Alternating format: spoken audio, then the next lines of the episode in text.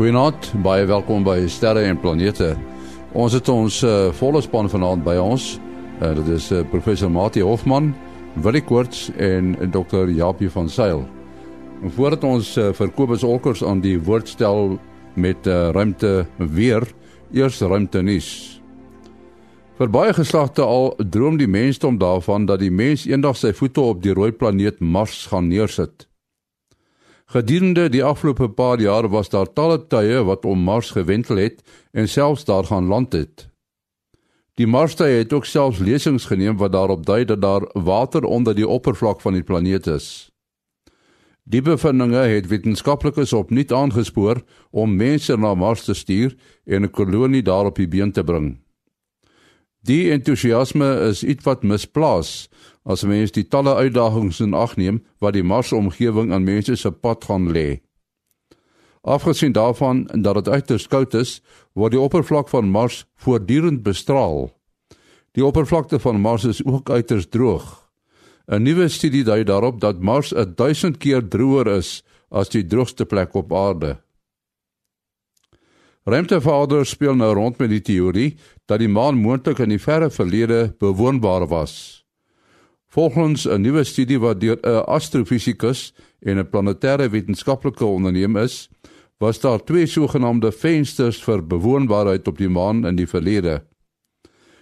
Dit was rofweg 4000 miljoen jaar gelede toe die maan ontstaan het en toe die maan die piek van sy vulkaniese aktiwiteit bereik het, so wat 3500 miljoen jaar gelede. daarmee ook die einde van ons ruimtenis. Hier is Kobus Olkers, Kobus. Ons sit met 'n son wat hierso van gister se koers af vir ons korona gaatjie gehad het wat so 'n bietjie 'n hoë spoed sonwind na ons kant toe blaas.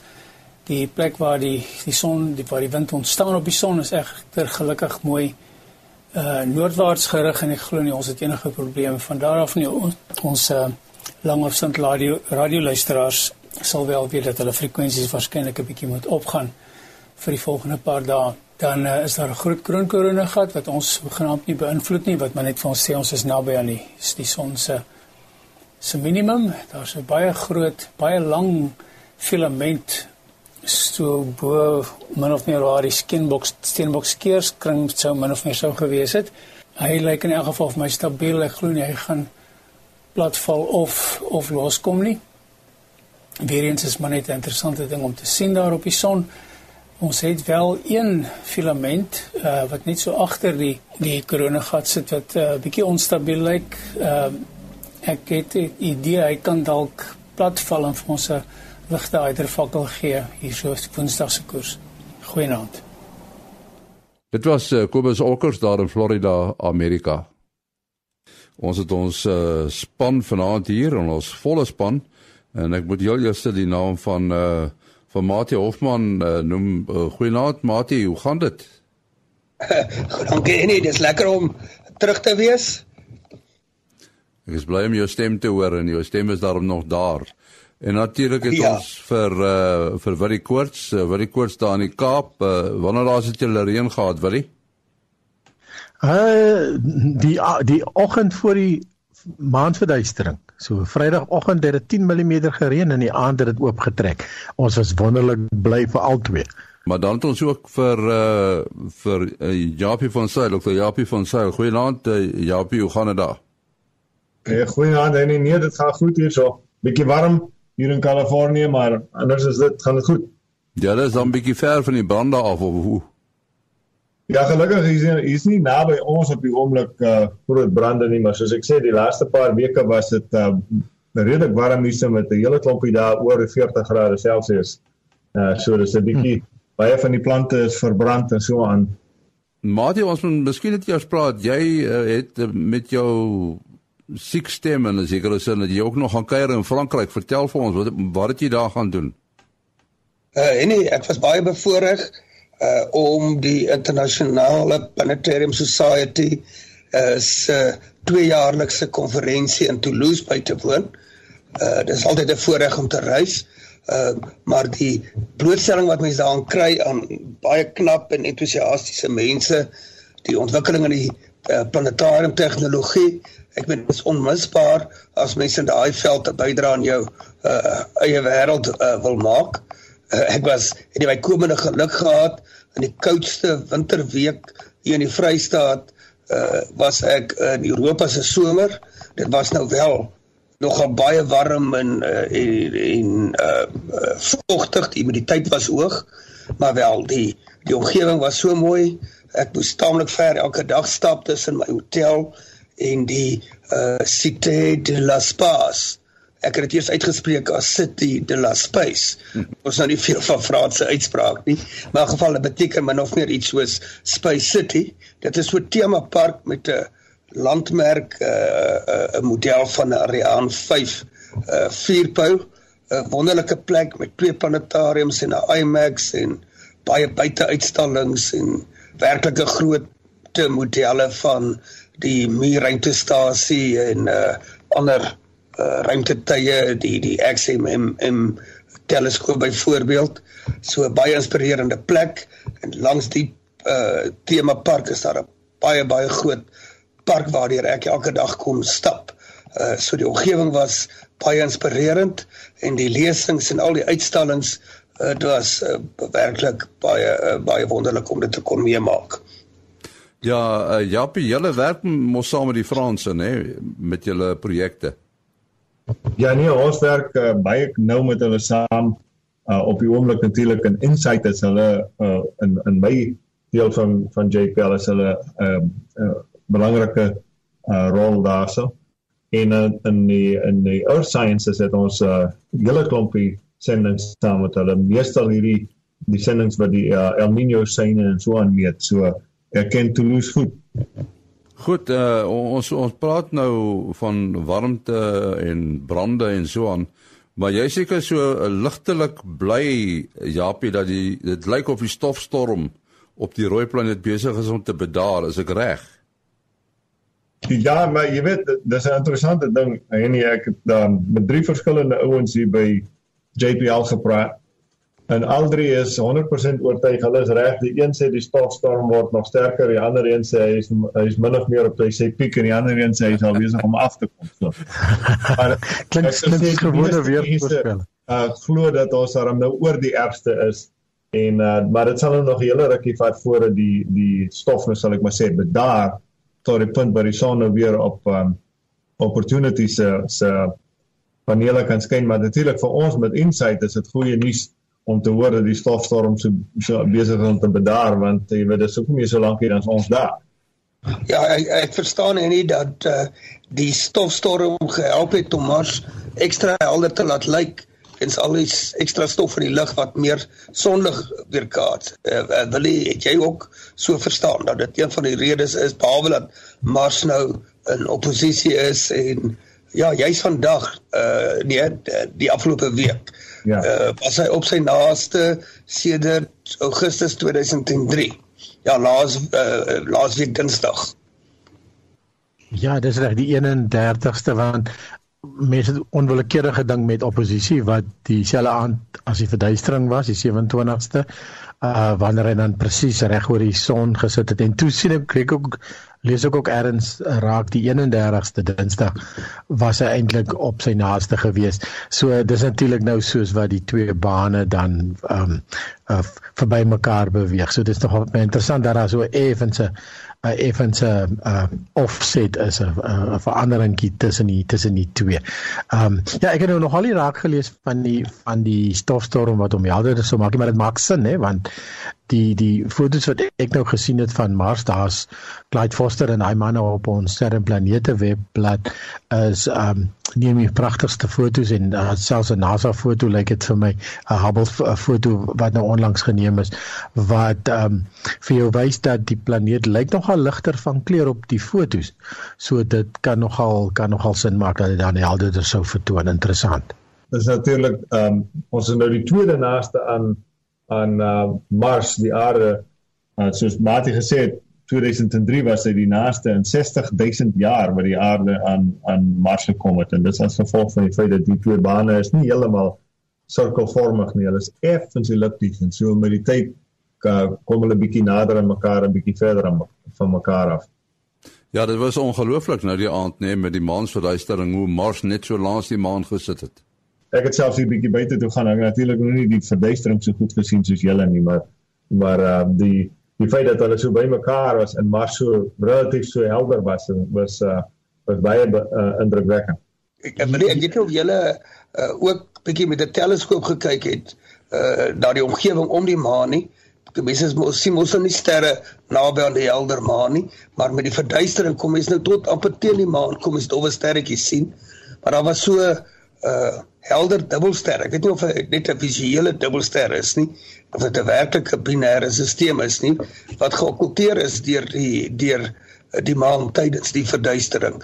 En dit was nogal baie skouspelagtig het van ons amateursterrekundige gesien in Bloemfontein het 'n mooi reeks foto's van die okkultasie geneem. Hmm. Ja, want ek het nogal toevallig het ek ek het gevoel ons het so 100 mense genooi uh, vir 'n byeenkomsie wat ons dit gekyk het en die maasverduistering nou en uh toe het ek vooraf hom uh, gesimuleer met uh, Stellarium. Uh stellarium.org is mense daai oulike programmetjie wil aflaai wat jy die naghemel kan simuleer. En toe sien ek ja, dit en, en dis toe is eh, magnitude 6 sterretjie en ehm um, deur deur 'n teleskoop is dit natuurlik baie helder, uh, uh, baie duidelik en veral omdat die maan so dof was en ek het ook selfs op my webblad en uh, Facebook bladsy en en ook uh, dit gedeel met die Sterre Planete Facebook bladsy ook so 'n reeksie van die dubbelsterretjies. Ons het ongelukkig wolke gehad net met met die klip so ons het nou daai 'n bietjie verloor, maar dit wat ook sal interessant wees is om te sien wat ander mense op ander plekke soos julle op Bloemfontein sou die okkultasie dan op 'n effens ander tyd gesien het. En as 'n mens nou lekker wiskunde wil speel, kan jy dan die radius van die aarde uitwerk of die afstand na Mars toe en al sulke sintnaakse goed. Ja, en die iets anders wat ek net wou genoem het is is ehm um, mense het dit genoem vooraf en is maar moeilik om om om dit te skat, maar Mars was op 'n stadium helderder as die maan toe die maan in volle verduistering was. Jy kon dit nogal sien as jy so net kyk na die twee. Ongelukkig soos ek sê, die maan is nou baie groter as as as Mars en Mars was eintlik 'n lekker 'n baken om die maan te soek as die maan begin te wegraak daar tussen die wolkies. Ja, dan moet ons nou nou praat uh, oor die water op Mars. Ja, op ons het nou al lank al gesê daar is tekens dat daar water was. Maar is die tekens wat nou gekry is nog beter as wat uh, die vorige tekens opgedui het? Uh ja nee, baie beslis en hierdie die uh, uh aankondiging laas week van die uh, Italianers um wat op die, op die met hulle met ek sou sê met ons radar want dit was 'n gesamentlike projek tussen um JPL en en Italië.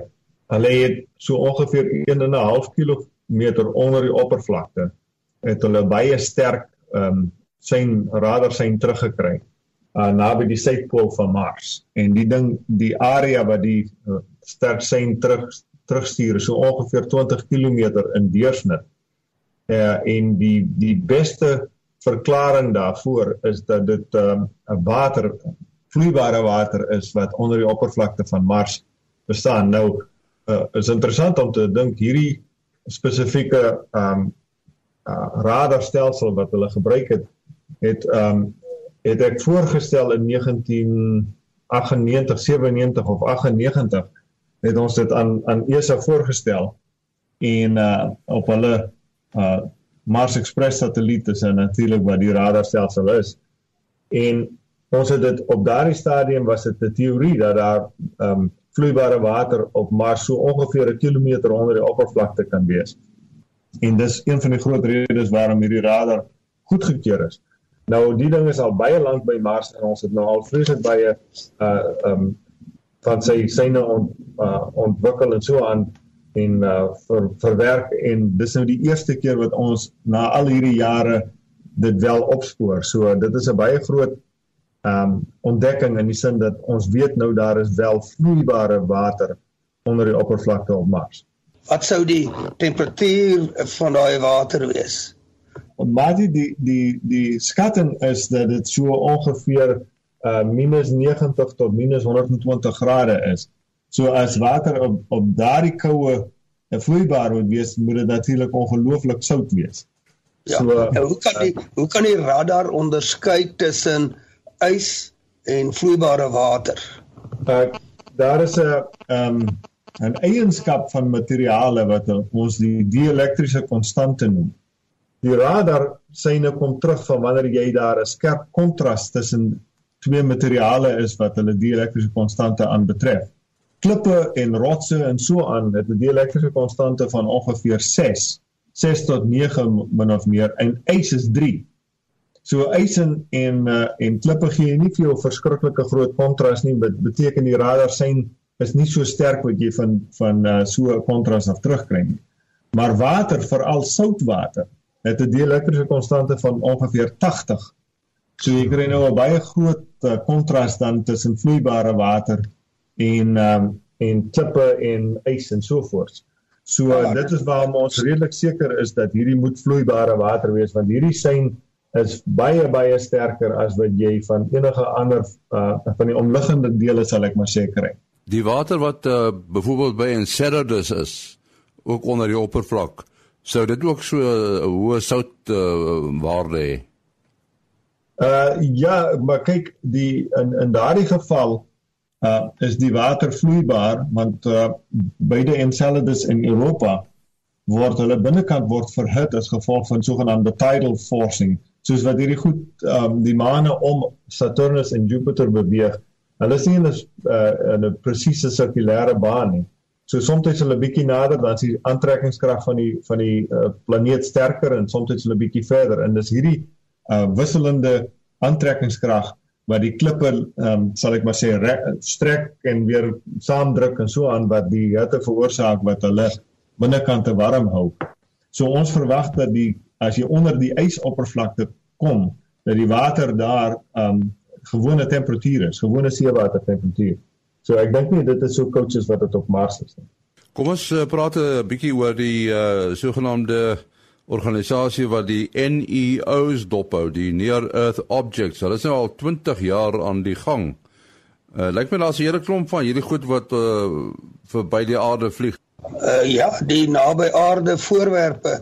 Ehm uh, daar is wel sekerlik duisende. Ek dink is 'n uh weet dan moet groot genoeg wees dat hulle bane nou uh weet beskryf kan word en uh wel en die bane kan natuurlik ook mettertyd verander as gevolg van die interaksie uh tussen die aarde, die asteroïde, die maan kan ook nog 'n rol speel, maar natuurlik veral uh veral die son. Daar is 'n netwerk oor die aarde natuurlik wat dan uh, deelneem hieraan. Uh ek is nie bewus van 'n noemenswaardige bydrae uit Suid-Afrika uit nie, Willie. Uh in hierdie soektog, 'n sistematiese soektog na die uh na die aarde voorwerpe nie. Daar is uh, wel in Sutherland uh die Russiese teleskoop Master as ek dit reg het uh, kyk na na goed wat ons moontlik kan tref en ek dink daar's nog 'n stelsel daar die ja ek dink die een wat nou rukkie terug deur Sansa of uh, Sansa met uh, van werk met 'n Duitse uh groep uh, het 'n teleskoop opgesit wat nogal kyk vir hierdie goedes maar uh, dit is reg en en daar gaan al hoe meer uh, lyk dit vir my um, 'n pogings aangewend word binnekort om om meer van hierdie stelsels op te sit um, wat wat dan nou kyk na hierdie hierdie goed wat ons moontlik kan tref. Um, so daar is daar's 'n hele 'n hele verhoging van, van pogings deesdae om om om dit nogal waar te neem. Mense ek ek dink nou so 'n bietjie hardop. Uh, weet een van die probleme met hierdie voorwerpe is dat sien nou maar hy's op 'n potspad met die aarde dan is dit moeilik om hulle betyds waar te neem want hulle is tipies baie donker en die oënskynlike die beweging wat hy in die sterveld sal toon van sê nou maar een aand na volgende aand is juis min wanneer hy reguit op pad is na die aarde en hoe later jy die voorwerp sou ontdek hoe minder tyd het jy om voorsorg te neem en ek dink nie ons is al daar dat ons al het ons dit betyds waargeneem uh weet 'n vuurpouse kon opstuur om dit te gaan probeer deflekteer of wat ook al nie. Nou wonder ek uh Japie of dit nie voordelig sou kon wees om bietjie verder weg van die aarde af in die ruimte groot genoeg satelliet ruimtes teleskope te kon hê wat meer betyds sou kon waarskuwings gee. Is dit iets wat dalk al oorweeg is? Ja, ehm uh, maar jy jy het 'n paar baie belangrike punte hier genoem. Uh eerstens die die sal ek maar sê die waarnemings wat van die aarde homself afgedoen word. Daar is natuurlik 'n um, redelik baie sulke waarnemingsstelsels hier in die noordelike halfrond, maar in die suidelike halfrond is is natuurlik so ons sogenaamde blind spot nog. So daar's 'n redelik baie uh, werk wat mense nou doen om te probeer om om van hierdie stelsels in die suidelike halfrond uh, aan die gang te bring. So ek neem aan in Suid-Afrika uh, sal een van die belangrike plekke wees waar mense sal oorweeg om hierdie, hierdie goed uh, te sit. Nou uh, ons hier by JPL uh, van een van my organisasies hier so sal ek maar sê is die is die plek wat vir NASA hierdie ehm um, die data omtrent hierdie naby aarde voorwerpe op uh, bymekaar maak en so aan. En een van die dinge wat ons probeer doen is presies wat jy nou gesê het. Daar's twee dinge wat belangrik is. Een is hierdie goeters is baie donker. Uh, sommige van hulle is so swart, uh, so donker soos nuwe ehm um, basies nuwe teer wat jy op 'n teerpad sit. Uh so dis baie baie moeilik om met gewone uh optiese teleskope hierdie goeters op te spoor. Uh infrarooi natuurlik, uh, vir al die langgolflengte infrarooi, die sogenaamde thermal infrared, um is 'n baie beter manier om hulle dan op te spoor. Uh dis een ding en en NASA het nou uh ek het uh toe ek nog aan astrofisika hier was, het ons 'n voorstel aan NASA gedoen vir 'n sogenaamde NEOCAM, 'n Near Earth Object Camera wat 'n infrarooi kamera is en die idee is om hom dan min of meer in die baan van Venus te sit sodat jy ja. bietjie weg van die aarde af is en jy kan sien hierdie goeters wat van die son se kant af vir ons bekruip want soms uh, kom hierdie goed uit die son se kant uit. Die ene wat daar in Rusland ontplof het 'n klompie jare gelede dit was nogal komies want die ou wat hier by ons die sou ek maar sê die die kan die, die programleier was Uh, hy het net die vorige dag het hy 'n uh, 'n praatjie gegee in Vienna uh oor oor die werk wat hulle hier doen en hoe seker ons nou is as hulle die goeders kan opspoor en en toe bekry hy een ons in slaap in die nag. So die volgende dag was hy maar bietjie redelik uh uh verleë gewees. Maar hy het die rede waaroor hy ons so bekruip het is hy van die son se kant af gekom. Maar as jy nou Venus se bane kan jy natuurlik hierdie goeders ook sien. So dit is wat ons nou probeer doen om hulle dan vroeg as moontlik op te spoor. Nou sal ons nou sien of of die new cam uiteindelik voor vorentoe gaan. Op die oomblik is hy nou nog nie goedgekeur nie na al hierdie jare.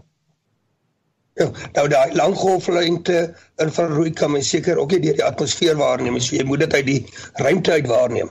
Dit is doodreg ja. Dis so jy moet aan buitekant die die aarde se atmosfeer wees om dit te kan doen. Uh en uh en dan die uh natuurlik die rente wat koud is help vir jou natuurlik ook met hierdie soort van waarneming. Die groot vraag natuurlik is uh, as jy iets op jou afpyl, wat kan jy daaraan doen? So so ruk gelede het NASA natuurlik gewerk aan een van hierdie goeder waar ons om waar een van hierdie asteroïdes wil gaan in 'n in 'n sakloop vang het en aan maan se kant toe gebou getrek het. Maar daar's ander maniere soos soos um Mati genoem het om hulle te deflekteer. Jy sit 'n klein um uh satelliet is amper soos wat jy in die, in die hawe gebruik hierdie die tugboats in die hawe wat die wat die groot skepe so bietjie stoot. Jy hoef nie 'n verskriklike groot uh, krag uit te oefen en want jy sy baan maar net 'n klein bietjie te verander sodat hy die aarde mis. Die die die trick is natuurlik jy so vroeg as moontlik moet opspoor en so vroeg as moontlik by hulle uitkom. Hoe nader hulle aan die aarde kom, hoe meer werk het jy om te doen. Ja, baie van die groot uh, spoorleiers op as dit verby is. Ja, dis natuurlik die die die die wat 'n bietjie vir ons verleentheid veroorsaak. Ja, wel jy daar daarop uh, Sutherland is daar is daar nie ook toerusting wat ehm um, wat juis asteroïdes kan opspoor nie. Eh, is nie is dit net daai Russiese een of wat wat was dit nou weer? Ja, ja, so so op hierdie stadium weet ek weet daar was 'n Koreaanse teleskoop ook, maar die WiStar was sy naam. Uh die die uh, is in is intussen uh um dis eintlik aan dieselfde gebouetjie waar die die Russiese Master teleskoop nou staan en dan die stelsel deur ehm um, Sansa en dan 'n ander uh, Duitse ehm um, maatskappy. Nou as ek reg onthou uh, en ek dink wat Jabie nou genoem het is juis hierdie uitbreiding van die program van NASA of Weet nie presies wie dit lei nie wat hulle 'n suidelike half rond netwerk wil insit. En en as ek reg onthou was dit nogal een van die nuwe installasies wat beplan word. Ehm um, wat uiteindelik Sutherland toe gaan. So dit dit maak maak sin. Uh, iets anders wat ek ook natuurlik verstaan het is dat die stelsels wat jy's in reeds in plek is en en hulle met mettertyd kry hulle minder en minder nuwe uh asteroïdes wat se bane uh, die aarde se kruis. Um wat beteken dat hulle is daarom ook bewus van die goed wat in gereelde bane is. Um so die die in die aarde is daarom 'n bewegende teiken. So die die die asteroïde of die wat ook al die voorwerp is in die aarde moet natuurlik gelyktydig so al al kry sy die aarde se baan moet die aarde op daai stadium ook daar wees. So die ehm um, die kanse vir 'n botsing is natuurlik nou ehm um, nie so hoog nie en dan die klompie bekende goeters is reeds is reeds aan ons bekend. Maar ek dink dit is juist hierdie goed soos jy nou gesê dat uit die son uitkom en nuwe goed wat toegevoeg word wat ons nou nie nie vang nie. Ehm um, en dan juist omdat hulle dan dan so donker is. So dis 'n baie oulike idee om hulle dan in die infrarooi op te spoor. Ja, wil jy die argument van die uh, bewegende voorwerpe in bane Uh dit is natuurlik ook van toepassing op die satelliete wat om die aarde draai. Uh in destyds het hulle gedink die ruimte is baie groot. Die kans dat satelliete kan bots uh is baie skraal. Uh maar dit het tog al gebeur. Ek dink dit seker al ten minste 2 of 3 keer gebeur. Ek praat nou van keer wat die Chinese doelbewus met 'n uh, uh, uh, satelliet van hulle aanvaarde geskiet het nie, maar uh botsings wat nou nie bedoel was om plaas te vind nie. Uh Japie, dra jy dalk kennis van hoeveel sulke botsings daar al in die ruimte was? Uh ek ek is nie 100% seker nie, maar ek weet van twee. So ja, dit is ja, uh soos jy sê, ja. dit, uh dit gebeur alhoewel ons uh, veronderstel is om die bane baie goed te kan voorspel en so voort. Die groot ding natuurlik wat met die asteroïdes is om genoeg data te kry um jy weet al vroeg genoeg op te spoor en genoeg ehm uh, kere hulle waar te neem sodat ons hulle baan kan bereken, akkuraat kan bereken. Ja, dit help nou nie jy kry dit reg om die asteroïde te deflekteer nie en hy sou die aarde net net gemis het en nou deflekteer jy hom in die aarde in nie. Dis reg, dis reg. Dis 'n hele ding om nou sê baan akkuraat genoeg te kan bereken as ons as ons die bane goed ken, dan kan 'n mens natuurlik baie uh, akkuraat uitwerk hoe naby in die aarde hy sal verbygaan en so voort. Ehm um, so dit is maar die, die, die ding is maar om genoeg inligting om tred hulle waar te neem. Ja, ek het nou die dag toe gespel so sommer so onder mekaar daar by die sterkundiges oor teetyd en ehm um, die ander ding en ek meen dis eintlik die berekeninge wat julle al baie goed is mee. Uh ehm um, maar wat 'n mens moet ook in gedagte hou is as hierdie ding nou verby hy gaan maak 'n draai en hy en hy word effens sy baan word effens verander deur 'n deur 'n ander groot liggaam soos 'n planeet of 'n ander groot asteroïde of wat. Ehm um, dan volgende keer as hy dan nou verbykom uh dan is sy baan effens anders so uh, uit die hart van die saak gaan jy nou, nou soveel as moontlik superrekenaars inspann as daar iets uh lyk of dit wel 'n uh, geringe kans het om om natuurlik presies hierdie um hierdie baan te bereken en verandering in bane deur um ander liggame in die sonnestelsel. Beteken dan uh, wil jy dat jy moet die voorwerpe bly dophou omdat hulle bane kan verander. Dis reg. Ja. Dis dis doodreg, maar ons kan redelik goed bereken hoeveel hulle baan verander sal word as ons uh, basiese inligting soos massa en so aan het. Maar so dan moet jy met die eerste uh, ruk moet jy hom dophou en dan en dan weet hoe dat sy baan verander as hy naby iets anders verbygaan en daardie inligting help jou dan om die massa te bereken en so voort. Ah, so so dis 'n interessante storie. Hoe hoe langer jy hom dophou, hoe meer weet jy van hom en hoe meer akkuraat is die baan wat ons kan voorstel dan. Ons ja. moet afsluit ongelukkig. Uh, Japie, jou besonderhede? E-posadres japiejpl@gmail.com. En dan uh, Mati? Uh, 083 625 7154. 083 625 7154. Willie? Is